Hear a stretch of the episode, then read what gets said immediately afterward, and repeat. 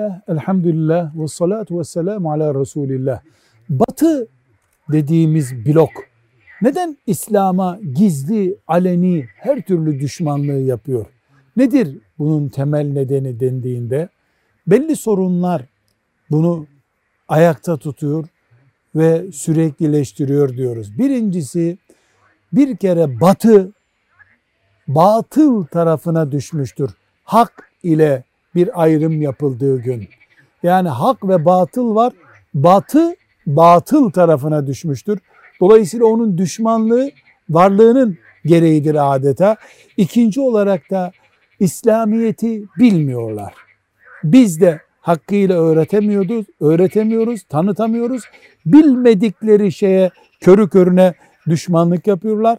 Üçüncü olarak da şer odakları, şeytanın eli kolu olarak çalışan odaklar düşmanlığı körükleyecek projeler üretiyorlar.